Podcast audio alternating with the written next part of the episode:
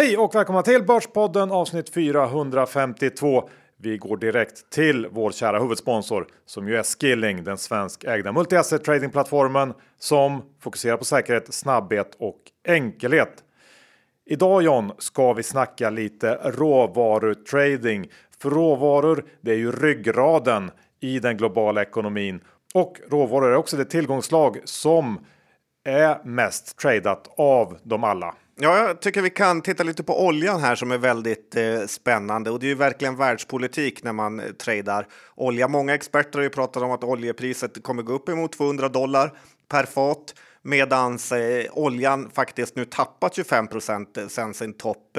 Så att det är väldigt mycket rörelser i just eh, olja som man som trader faktiskt kan ta och eh, utnyttja. Ja, och på slutet här så är ju den stora storyn att USA valde att eh, släppa ut olja på marknaden från sitt stora strategiska eh, reservlager, vilket har påverkat priset i alla fall kortsiktigt. Eh, men här rör det på sig och om man då vill ge sig in och handla olja eller för den delen någon annan råvaru så är ju CFDR ett väldigt smidigt sätt att göra det på. Och Skilling har såklart ett brett utbud av det du vill handla. Och har man inte öppnat ett konto, ja då gör man det enkelt John. Det krävs bara ett bank-id.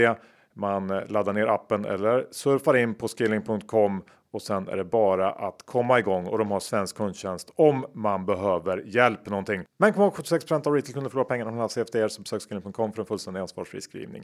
Och med det John så säger vi stort tack till Skilling! Den här veckan John har vi rest land och rike runt och inte bara det, hela Europa runt för att samla på spaningar till veckans avsnitt. Ja, sådana är vi. Vi gör det i Börspoddens tjänst, även om det kostar på i form av nära döden sjukdomar. Ja, jag har en liten skorpan med mig här i studion idag. Ja, det kan man säga att du har. Ja. Han är ändå här.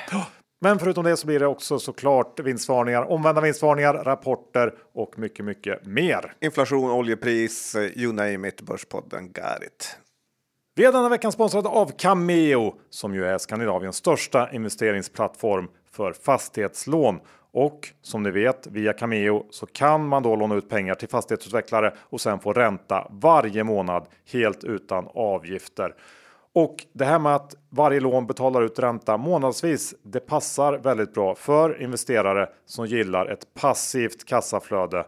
Eh, och sen så kanske man också vill återinvestera kapitalet för att få den här ränta på ränta effekten.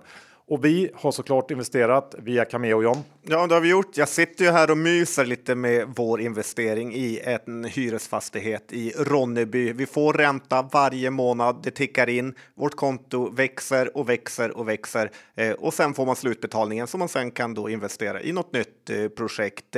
Man kommer inte vara missnöjd om man öppnar ett konto hos Cameo. Ja, och det kan också vara bra att ha med sig att genom att ha ett inslag av fastighetslån i portföljen, då sprider man risken och eh, det kan vara skönt när börsen som i år har varit lite svajig.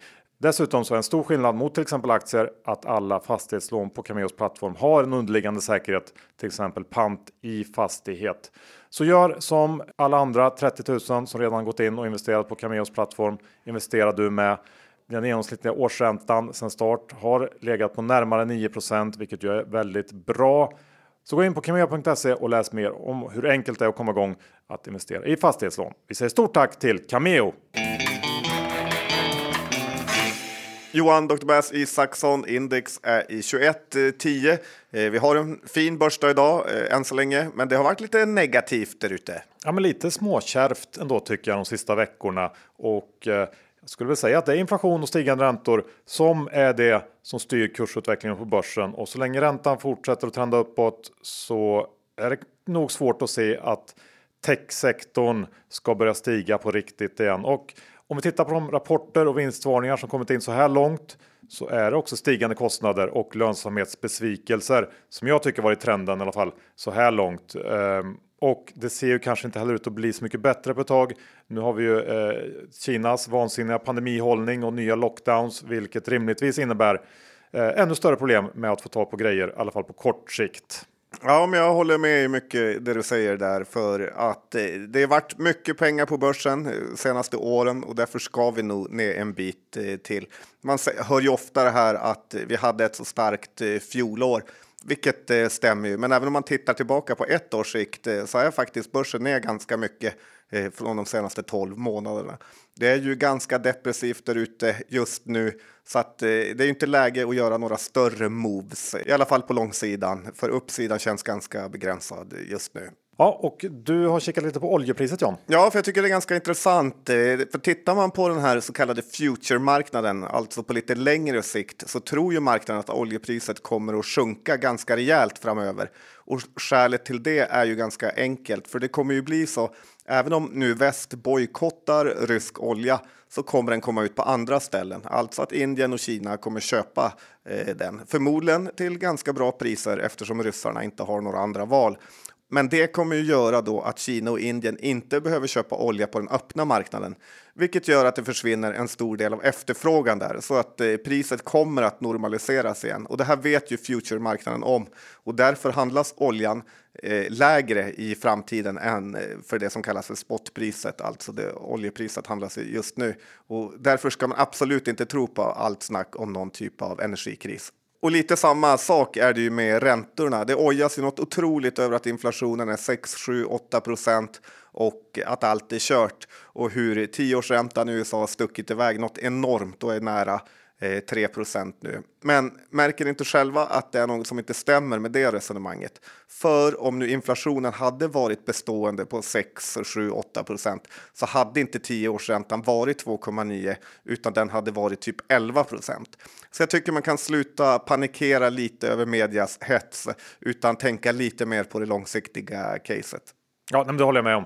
Det är klart att en, en hel del av det vi ser i inflationen nu är såklart pandemieffekter och över, eh, övergående effekter av krig och, och annat. Så att, eh, jag håller helt med där. Men eh, det är ändå så att inflationen syns nu och eh, på tal om det så har jag spenderat påsken i Spanien. Och till att börja med så har priserna på, på flygbiljetter har ökat markant. Det är faktiskt riktigt dyrt att flyga nu.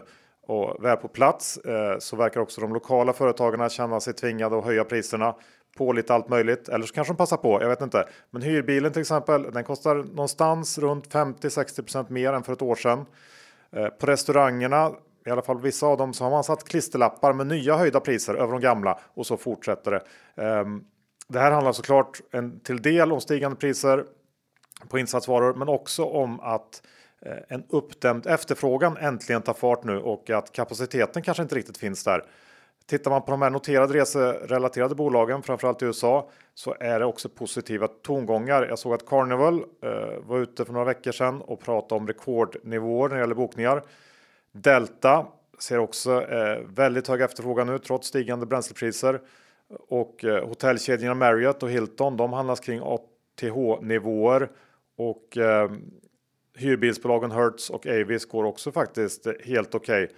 Och till och med Airbnb är plus på året trots den här techfrossan vi har. Så börsen ljuger inte här tror jag. Resandet är back. Ja, men jag håller verkligen med om det. Jag kan säga att det var så mycket folk på tivolit i Köpenhamn att eh, det var löjligt. Ja. Eh, vi byter helt ämne John. Ja. Eh, du hävdar att du hör till toppen i Sverige på lika som bär. Ja, faktiskt. Det är många som säger att jag är bäst i Sverige på lookalikes. Det får stå för dem, Johan, ja, även verkligen. om det är sant skulle jag säga. Men grejen är att mitt självförtroende har kanske varit lite för stort här och eh, att eh, senaste tiden har jag gjort två helt otroliga misstag. Eh, det ena är att jag var helt övertygad om att den gamla Carnegie-tradern Esan Ashrafi var en av föräldrarna på mitt barns skola.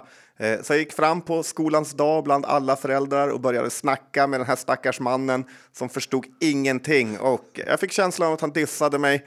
Eh, kändes det som. Jag blev på riktigt dåligt humör och tänkte att Esan hade blivit ett litet svin eh, tills att jag såg att den här killen drog hem i en Peugeot.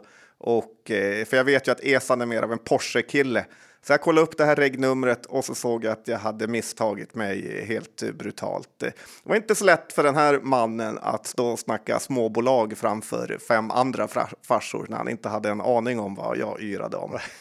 Men så i veckan så var det dags igen att jag, var helt, jag har varit helt övertygad om att Ålandsbankens förvaltare Lars Söderfjell och jag har samma springrunda i Bromma. Eh, så varje gång jag mött honom har jag skrikit “Tjena Larsa” och försökt göra high five. Jag har även tutat på honom när jag kört förbi. Eh, med bil, men han har alltid varit extremt avståndstagande, vilket också retat mig en hel del faktiskt.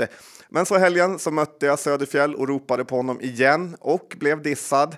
Och då blev jag riktigt irriterad och tänkte elaka tankar. Men sen när jag kom hem så kollade jag Facebook och av en slump så dök han upp i flödet och han var i Boston. Eh, så att lite undrar jag just nu vad den här stackars gubben har tänkt som har blivit trakasserad i ett år på sin löprunda. Ja, ehm, um, ja det undrar jag också. Och, eh, det är ju lite så, jag vet inte, jag har inte velat berätta det riktigt för men du är ju jätte, jättekass på lika som bär och alltid varit. Det vet jag inte Johan, jo, men jag, lite har jag tappat självförtroendet. Ja, det, ja, det är rimligt tycker jag. Eh, någon annan som kanske bör tappa självförtroende när det gäller aktier är väl GV. Det bör han ha gjort, för det har ju varit GVHsens död nu senaste året egentligen. Och jag tycker det borde tas upp lite mer. Eh, för det har blivit lite sjukt att en polisprofessor är den som används mest för att lura in småsparare i skräpaktier.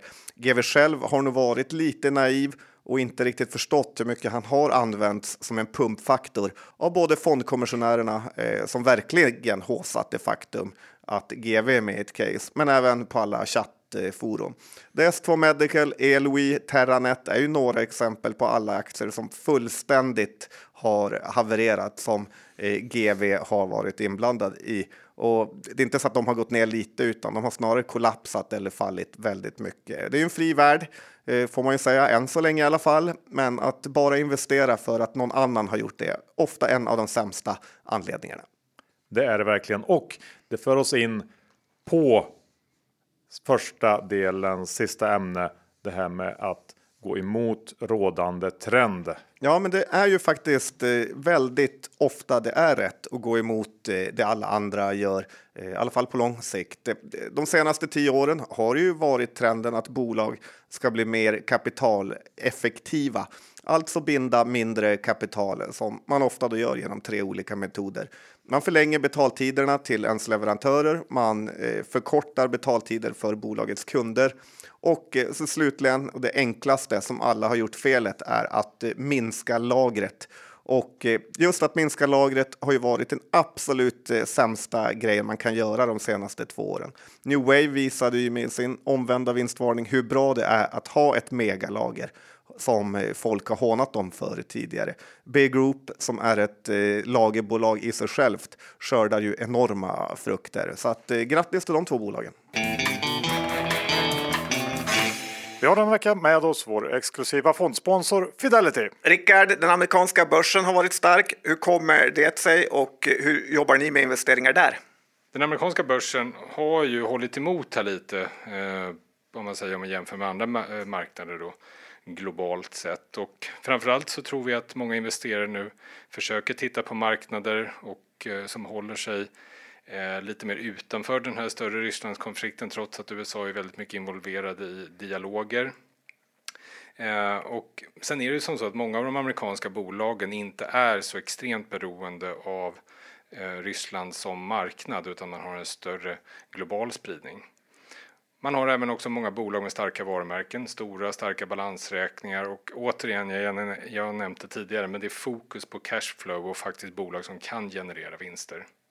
Däremot så har vi sett en IPO-freeze, det vill säga att många av de mindre bolagen kanske får lite tuffare just nu, det vill säga att vi går in i det här sentimentet och att man försöker hitta lite mer, kanske som jag uttrycker mig, tråkiga men traditionella bolag som har bra eh, kapitalflöden. Och vi på Fidelity har en lång historia sedan 1950-talet att förvalta amerikanska aktier så att nej, ser ganska intressant ut. Tack Fredrik eh, vi ska också påminna om att investeringens värde och eventuella intäkter från dem kan både minska och öka. Det kan hända att du inte får tillbaka det investerade kapitalet och historisk avkastning inte en tillförlitlig indikator för framtida resultat. Och åsikter uttryckta kan redan agerats på och inte längre gälla. Stort tack till Fidelity International. Vi är denna vecka sponsrade av Just In Case, familjens plan B. Det är så här John, att i Sverige försäkrar vi alla våra saker och så glömmer vi fullständigt bort det viktigaste att skydda sin familj och sina efterlevande. Det här är planetens mest generiska försäkring. Den angår alla som lever och nu gör Just In Case den till en fråga om minuter att köpa när det passar en själv. Ja, och det har jag gjort Johan. Jaså? Mm, det är sant. Okej. Okay. Och vad tyckte du själv då att du var värd? För man kan ju välja mm, mellan 2 och 10 miljoner kronor eh, när det gäller då sin livförsäkring. Ja, men jag tyckte att jag var värd eh, 4 miljoner. Jag vet ju att jag är ovärderlig. Det har ju min mamma sagt, eh, även fast det inte känns så alltid. Men 4 miljoner var eh, det jag tog och det kostar inte många hundralappar per månad då att eh, skaffa ett sånt skydd. Det gör det inte. Så fråga dig själv. Kan dina nära bo kvar och även ha ett ekonomiskt tryggat liv om du går bort? Ja, gå in på justincase.se och teckna en livförsäkring nu. Precis som jag har gjort. Precis. Vi säger stort tack till Just In Case. Vi är denna vecka sponsrade av Infront. Och John, vi är nu inne i rapportperioden, vilket ju är lite av högsäsong för traders. Ja, men det känns ju nästan löjligt att bli sponsrad av Infront då man använder den precis varje dag och verkligen kan rekommenderas eh, deras produkt. Jag har kört den i tio år. Jag är extremt nöjd med den och jag kommer fortsätta med den. Ja, och om man nu ska handla då under rapportperioden, då vill vi slå ett slag för deras applikation Infront Active Trader. Den erbjuds av de flesta nätmäklare och banker och eh, då tycker jag också att man ska koppla på nyhetspaketet Direkt Premium med alla flashar så att man får de absolut senaste nyheterna och kommentarerna. Och allt det här går att testa kostnadsfritt genom att gå in på infrontfinance.com snedstreck Börspodden och sen klicka sig vidare till en testperiod via sin bank eller nätmäklare.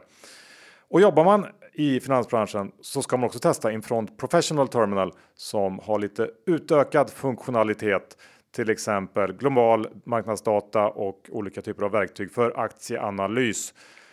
Så ta tillfället i akt och testa Infront. Gå in på infrontfinance.com börspodden. Vi säger stort tack till Infront. John, vi har väldigt mycket bolag och bolagsspecifika händelser att gå igenom idag.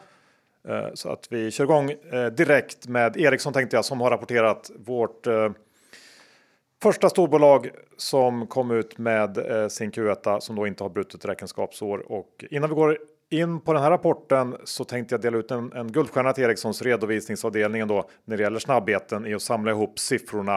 Eh, trots alla då Irak-härvor och försäljning av, i massor av konstiga länder så fixar de det supersnabbt. Det tycker jag ändå är snyggt. Ja, hur mycket har ni gett till Isis denna månad? 40 miljoner, check. In på not 4. Ja, ungefär så. Men tyvärr så lyckades Ericsson inte leverera på marknadens förväntningar. Eh, omsättningen var väl mer eller mindre in line, men eh, en något sämre bruttomarginal och högre OPEX. Det bidrog till en ganska stor resultatmiss, 15 under konsensus ungefär. Eh, men jag tycker att det fanns ganska goda förklaringar då till den här missen.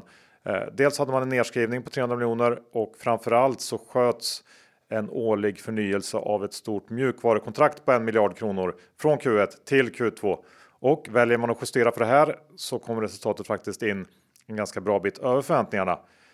Eh, något som också bidrog till den här eh, ganska svaga utvecklingen för aktien, den var väl ner 10% plus tror jag på rapportdag. Det var att HERV affärsområdet Digital Services underpresterar rejält. Börje sa att det nu blir utmanande att nå en begränsad förlust inom affärsområdet under 2022 som man sagt tidigare.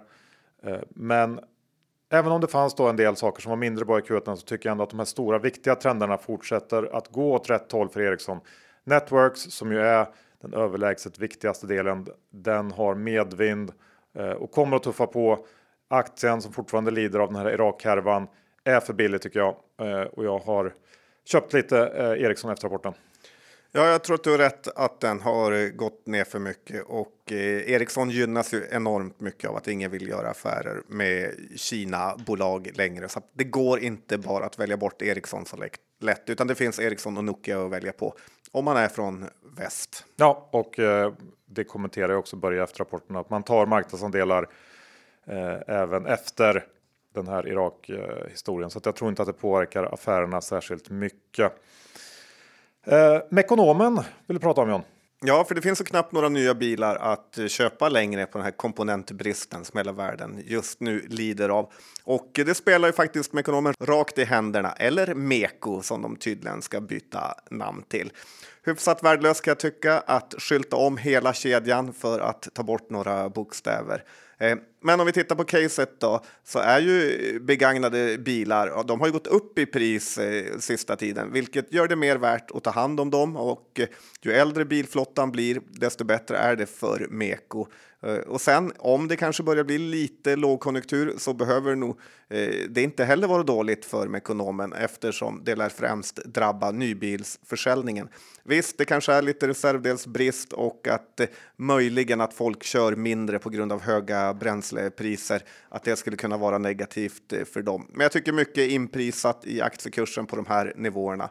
Mekonomen handlas nu i 115-116 kronor eh, har ju nyligen varit i 110, vilket är nivåer som Meko var på innan man förvärvade eh, det här FTZ och Interpol.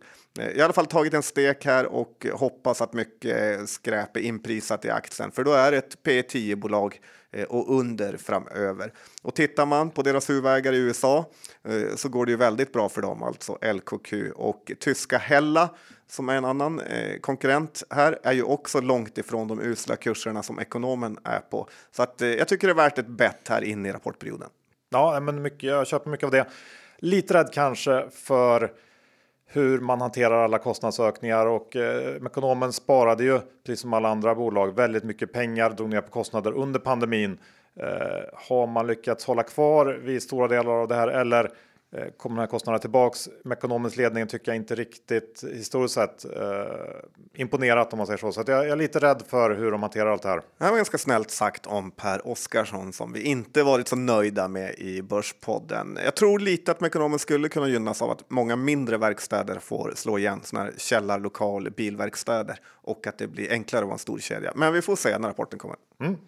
Du, eh, du har ju varit nere i Danmark, Köpenhamn och lynchat satan där ja, nere. Det kan man säga. Det var inte så kul för dem när en av världens bästa lynchare Nej, det förstår jag. Det var mycket oro i leden.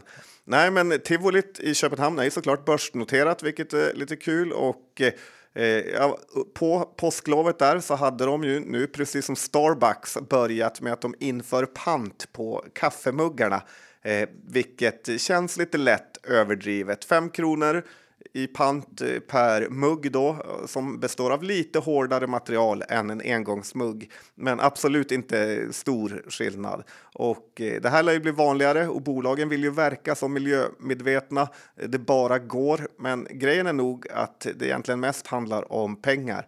Eh, för att sälja egna koppar med pant blir lite grann som att sälja presentkort. En dyrare mugg kanske kostar lite, lite mer att producera, men absolut inte i närheten av några fem kronor. Och eh, sen när en stor del av alla muggar inte kommer att lösas in, typ min som jag kastade bort av misstag, eh, så tillfaller de här ju pengarna bolaget.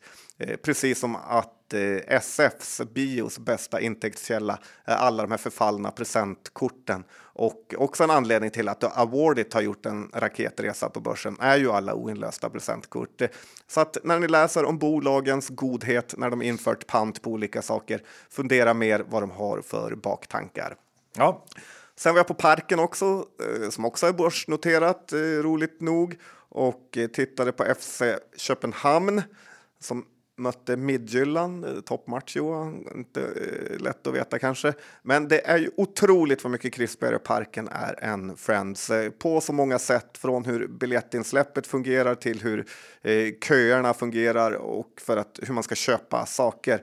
Friends är ju en av världens absolut sämsta arenor när det kommer till en bra helhetsupplevelse, så att även där vinner Danmark som jag för övrigt måste säga är ett otroligt eh, krispigt land. Och eh, jag kom att tänka på när jag gick i skolan Johan, att eh, direkt någon kom från söder om Sundsvall typ så skrek hela klassen Skåne åt Danmark. Skåne åt Danmark, körde ni den?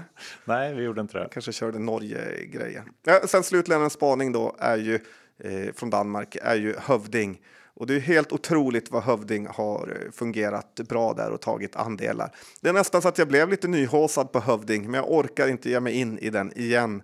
Eh, och det stod att cirka 40 procent av alla köpenhamnare jobbpendlar med cykel, eh, vilket gör ju att Danmark har stor potential eh, för att bli en fin marknad för Hövding eftersom typ 20 procent har cykelhjälm där fortfarande. Så att ja, eh, ja, vad säger du? Är du imponerad av spaningarna? Inte jätte, jätte ändå. Okej, okay. berätta hur många som pratar svenska i Marbella så att vi alla får veta Nej, det. Det var, det var väl en mysig liten en reseberättelse, men jag vet inte vad det kom fram till riktigt. Det var hövdingen. Ja, det var hövding. Vi slutar där. Det mynnar ofta ut i hövding när du spanar, oavsett om det är Danmark eller Bromma. Men, men.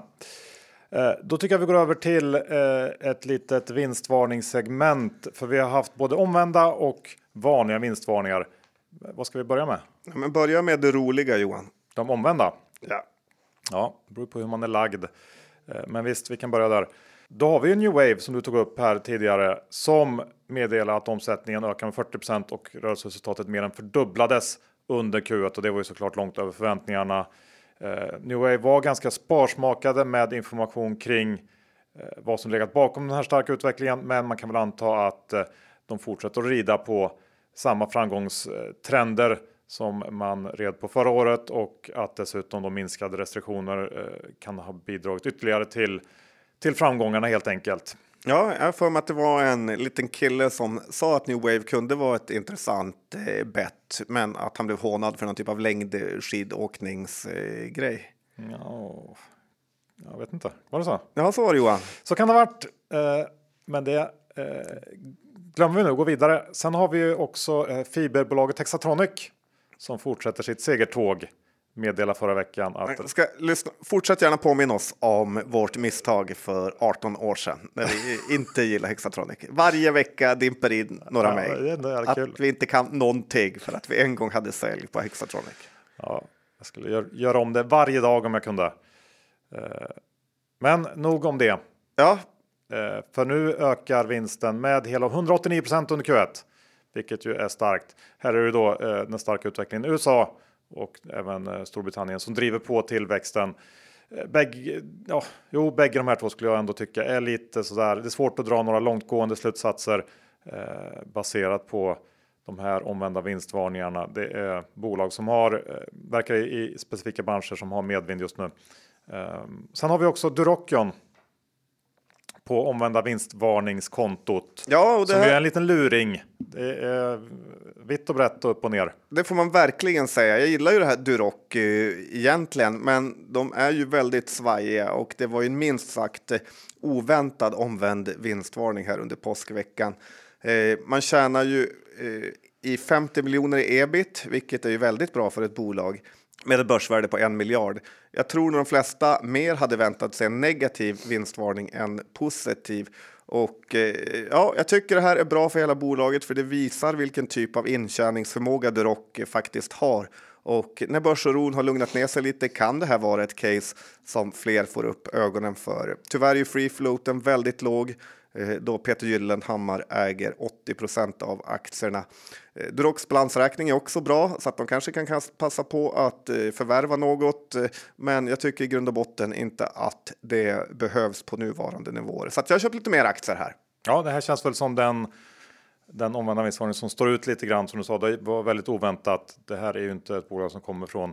De, de kommer med en vanlig vinstvarning förra kvartalet, va? Ja, och innan det kom de med två omvända ja. i rad på ja. samma kvartal. Ja, eh, så att det är eh, ja, lite svårt bolag att eh, prognostisera och följa, men kul att det går bra. Ja, brutet räkenskapsår också. Ja. Nu går vi över till Sinch som haft det tufft på slutet. Ja, men det får man väl ändå säga. Och eh, de har ju fullständigt kollapsat på börsen. Ericsson måste ju hata sig själva besinningslöst att eh, man misstajmade köpet med Fonage eh, så hårt. Tyvärr verkar de inte göra det. De verkar ju supernöjda med det köpet. Mm, men nu kan de köpa Sinch också, för det är nästan gratis. Men det sägs ju att Softbanks nedlagda fond, som är storägare i Sinch, är de som vräker ut aktier och det är anledningen. Och så brukar det heta, det var ju samma sak med Pexip, att någon fond skulle stängas och eh, sen skulle säljtrycket lätta i den aktien. Men så ofta när det är sådana stora nedgångar så är det faktiskt verkliga anledningar bakom. Eh, affärsvärlden har köprekat aktien på 125,90 och frågan är nu vad de tycker här på 56 kronors nivån. Eh, någonstans borde Sinch ändå vara köpvärt. Särskilt som Ericsson såg så mycket värde i Fonage och fortfarande gör det på otroligt mycket högre jämförelsekurser. Eh, jag slutar i alla fall aldrig fascineras över hur börsen kan älska något så mycket och sen kan aktien helt plötsligt hamna eh, totalt ute i kylan. Och det är rätt många svenska förvaltare och institutioner här som ser rätt dumma ut i sin just nu. Rapporten kommer den 28 april så det ska bli spännande att se hur det går på riktigt. Verkligen en höjdpunkt under rapportperioden. Eh, och eh, då kanske det kan vara läge att ta upp Avanza när vi snackar aktiehandel och dylikt. Ja, har du följt eh, vad som har hänt med deras nya erbjudande? Nej, vilket erbjudande är det? Att man kan få låna pengar gratis av dem. De har ökat upp det erbjudandet ordentligt och ja, det är väl för att de ska få lite ökad konkurrenskraft, men också för att folk ska göra mer affärer, köpa mer aktier och fonder och så vidare. Och jag har genom hela min karriär använt mig av belåning och eh, tycker det verkligen finns något bra i det. Samtidigt som jag också lite tänker på killar som Warren Buffett som är helt emot belåning och inom investeringar och eh, säger att det inte borde vara ett verktyg för en investerare. Och främsta skälet till det är ju att eh, det är nästan bara då man helt kan bomba ut sig i aktier. Eh, men också att det är svårare att ta bra, bra beslut när man är pressad.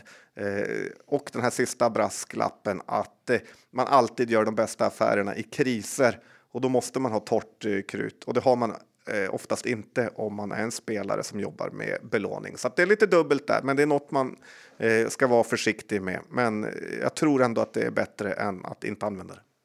Ja, det finns såklart två sidor av det myntet. Och när det gäller Avanza och Nordnet i stort så känns det som att även där finns lite pandemibaksmälla. Eh, det gick väldigt bra under pandemin. Ja, det är möjligt. Eh, samtidigt har ju de enorma eh, cashreserver som de kommer tjäna mycket pengar på om räntan går upp som nästan har varit en kostnad för de senaste åren. Mm. Eh, ska vi gå över till eh, två bolag som har rapporterat idag på morgonen. Eh, vi har ju Note ja. och eh, Played. Ja, Note levererar ytterligare en väldigt fin rapport och eh, man kan väl säga att Note lärt sig hur börsen fungerar genom att lowballa utsikterna och sen slå dem varje kvartal. Man pratar om att man ska nå en tillväxttakt för 2022 på 30 procent samtidigt som man växer med 64 procent här för mig i Q1. Och eh, sen har man väl en enorm medvind, både mediamässigt, att alla pratar om att eh, globaliseringen är död och man ska flytta hem sin tillverkning och att det faktiskt på riktigt händer. Eh, lite synd kan man ju tycka om det Johan som var tidig på kontraktstillverkare och ägde väldigt mycket aktier i Partnertech eh, på gamla goda. Men eh, timing är allt på börsen. Jag vet inte om det är så synd om mig på grund av det kanske. Det är andra anledningar eller? Ja, det skulle jag nog säga. Eh, men visst, ja, hatten av till Nota. Det eh, går ju fantastiskt bra. Ja. Helt enkelt. Ja, sen har vi Played här eh, som gör 19 miljoner i rörelseresultat varav 12 av dem är aktiverade. Eh, visserligen skriver man av 8 miljoner, men jag tycker ändå man är ute på lite djupt vatten om man låtsas att man är en vinstmaskin. Det är låg tillväxt i Sverige och man är beroende av nya produktlanseringar och det är väl därför man också aktiverar så mycket kostnader. Norge är ju ett land som ser bra ut nu och det här snacket om Holland, att det är någon typ av framtid, är ju lite speciellt om man omsätter 700 000 där, så att det är inte mycket pengar. Lite recoil på aktiekursen idag. Eh, aktien är väl upp 7-8 procent efter och haft en tuff period, så att eh, jag skulle absolut inte blåsa faran över här. Eh, för man vet ju att hemmar fixar trenden är ju lite på nedåtgående och att det händer mycket på vilka nya produkter man plockar fram. Babak har gjort ett fantastiskt arbete hittills och det är kul för hans fanbase att eh, ja, göra dem nöjda en dag. Ja, och eh, lite eh, vatten på vågen. Nej, vad säger man? Kvarnen. Ja, kvarnen. Eh, Olja på vågorna. Nej, det gjuter man för att lugna ner. Men, men eh, det jag tänkte komma till var ju det här med, med vår teori om att gå lång bolag som rapporterar tidigt. Eh, verkar funka ändå. Både Played och Noter rapporterar tidigt och har belönats idag. Ja, får se hur det går för Sandvik idag 11.30. Mm. Eh, då går vi över till det lite tråkigare vinstvarningssegmentet. För sådana har vi också haft sista veckan eller veckorna. Eh, tänkte vi börja med Kindred. som ju gick ut och sa att intäkterna minskar med 27% till 247 miljoner pund här under Q1. Det var 20 miljoner under förväntningarna eh, och att resultatet då brakar ner från 106 miljoner förra året till 25 miljoner pund i år. Det här beror ju främst på att man inte har några intäkter alls från den holländska marknaden nu i väntan på licens, men ändå en hel del kostnader samt att förra årets första kvartal var riktigt starkt boostat av pandemin. Eh, man ska ändå tycker jag komma ihåg att det bäs snackats om Holland i flera år när det gäller Kindred och det är ju faktiskt troligt att de får en licens här eh, Eh, nu och kan köra igång i landet inom någon månad. Så jag tror att det skulle kunna vara en trigger för den här aktien och eh, bara det gör väl att det finns någon slags hygglig swing lä, hyggligt svingläge här nu och köpa lite Kindred kring de här nivåerna i väntan på ett licensbesked. Eh, aktien är ner runt 20% i år. Eh, ja, det känns väl eh, rimligt här ändå på något sätt. Ja, lite orolig är man ju för Triple Eight som kom idag med att det är ganska mycket mindre aktivitet jämfört med för ett år sedan. Eh, däremot Kindreds eh, USA-satsning verkar ju vara noll värt på börsen just nu. Nu, eh, de kommer ju eh, förmodligen komma igång i Holland så att jag tror som du egentligen att långsiktigt så är det ett intressant köp. Frågan är bara när man ska kliva in. Ja, och här kan man väl eh, tillägga att hela sektorn har varit svag på slutet. Det beror säkert, som du var inne på här, eh, på eh, att branschen genomgår någon slags pandemibaksmälla och då att tech och tillväxt generellt har det tufft på börsen. Kambi har ju till en av de svagare aktierna. Under påsken kom nyheten om att den här potentiella USA-kunden Fanatics väljer att gå samma väg som flera andra operatörer i USA, det vill säga att de ska bygga en egen sportbok. Och i, här, i det här fallet så börjar de med en kod från Amelco och sen över tid ska allting eh, driftas in-house. Och trenden med att ha sportboken in-house förstärks väl därmed. Eh, Kambi skulle ju verkligen behöva lite framgångar och positiva nyheter nu för att vända på det här sentimentet och på kursutvecklingen. Och även om det borde vara en no-brainer av en massa anledningar för operatörer att outsourca sin sportbok så måste Kambi också anpassa sig lite grann till verkligheten och därför tror jag att det är väldigt viktigt nu för Kambi att så snabbt som möjligt få ut sitt modulära erbjudande. Eh, många som har valt inhouse nu skulle antagligen vara intresserade av delar av Kambis erbjudande eh, och det skulle ta bort den här allt eller inget dynamiken som eh, finns just nu. Ja, nu är det dags för Kambi att börja leverera lite. Det har varit mycket besvikelser i sista tiden. Ja. Sen har vi Pricer, de har också vinstvarnat. Och här återkommer vi till eh, det här med lönsamhetspress. Eh, för även om orderingång och omsättning var bra så har bolaget inte alls lyckats parera för stigande priser på komponenter och transporter. Och i Pricers fall så resulterade det i att eh, rörelseresultatet föll från runt 17 miljoner förra året till en förlust på 10 miljoner nu trots en omsättning som ökar med nästan 20 Och här tycker jag att man får ge Pricer-ledningen som verkar på något sätt blivit lite tagna på sängen av alla prisökningar underkänt. Och eh, jag tror att det finns en liten större risk generellt i småbolag när det gäller förmågan att hantera de här problemen vi ser nu. Så att man ska nog vara lite mer på tårna eh, för det här i, i många småbolag.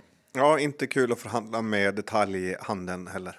Nej, det är ju eh, många som pratar om att det är väldigt långa ledtider där för att få eh, igenom eh, prisökningar.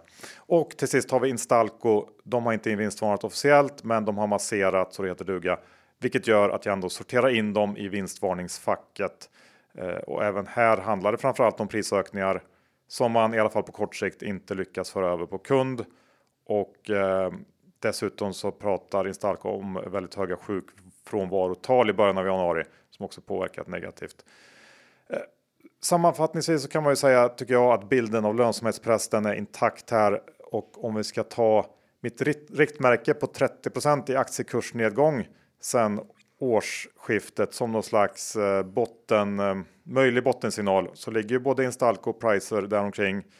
Eh, Kambi också. Kindred har bara tappat 20% Så att lite varning där med min 30 regel.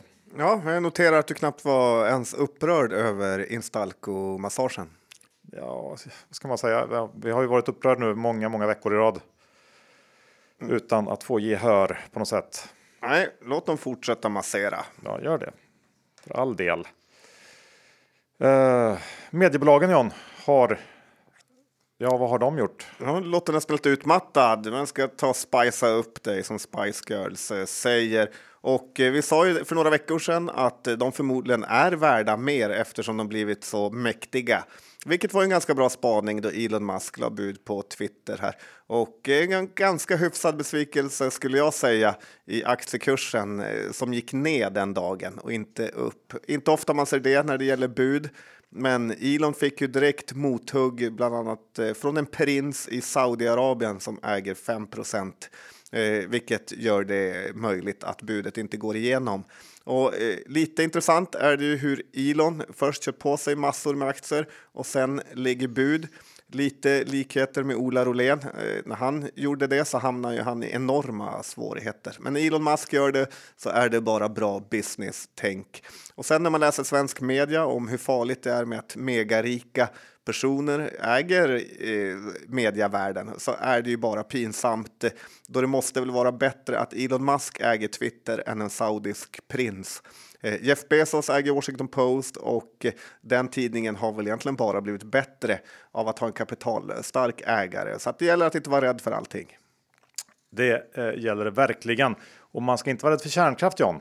Det ska man inte vara. Och en intressant nyhet här var ju att Rolls-Royce har fått godkännande i UK eh, för mindre kärnreaktorer, att de ska vara OK och sätta upp. Och det tycker jag låter väldigt eh, spännande. Och det är intressant läge för Studsvik som är ett av få bolag som jobbar med just eh, kärnkraftsteknik på olika sätt. Eh, Studsvik är ju verkligen inte högt värderat eh, även om man hade lite av en engångsintäkt i Q4 som gör att det ser lite bättre ut än vad det egentligen är.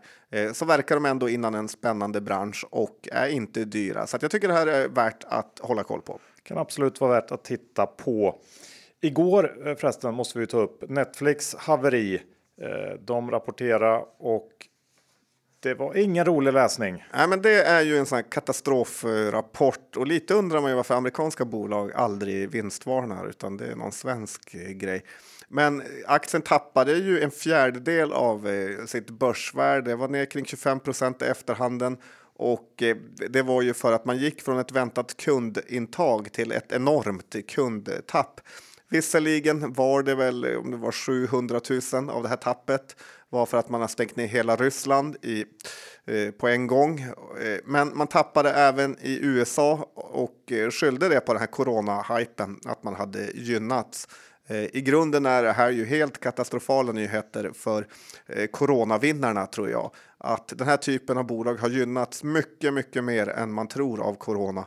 Och eh, eftersom just pandemin var så utdragen så har man lite förträngt hur mycket man egentligen gynnats. Att eh, Netflix går från ett förväntat kundintag till tapp är ju sensationellt och eh, man ska ju komma ihåg att Netflix redan innan det här hade ju tappat massor på börsen och gått från toppen på eh, 500 dollar per aktie till ungefär 320 och därifrån kan man typ tappa ytterligare 25 på bara en rapport.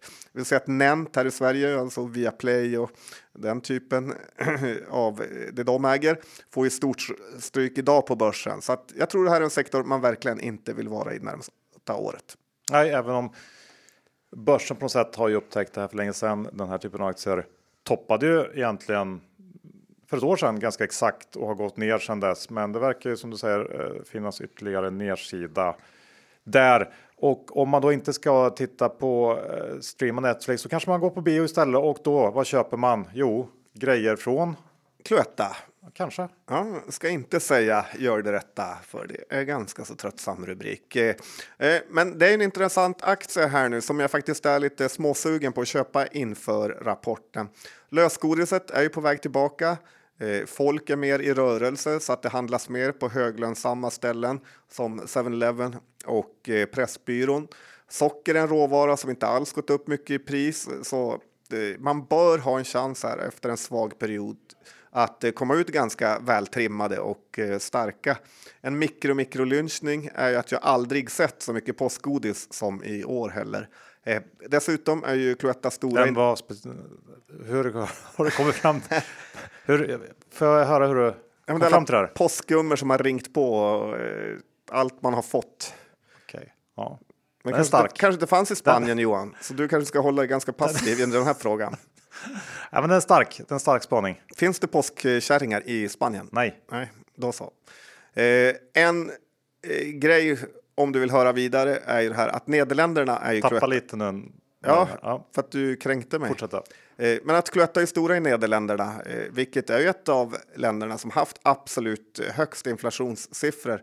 Så man kanske kan dra nyttan av det och höja sina priser lite extra där. Och sen har man det här med att all fetma i världen är ju också eh, nog ett av eh, fördelarna faktiskt för Cloetta. Att de skulle kunna vara ett av bolagen som skulle komma undan med att minska sina förpackningar men ändå ha kvar samma pris eh, för att slippa höja priserna. Så att jag tycker ändå att det finns en hel del saker som talar för Cloetta och det är inte farligt dyrt. Slut på avsnitt 452 och vi tackar vår huvudsponsor Skilling.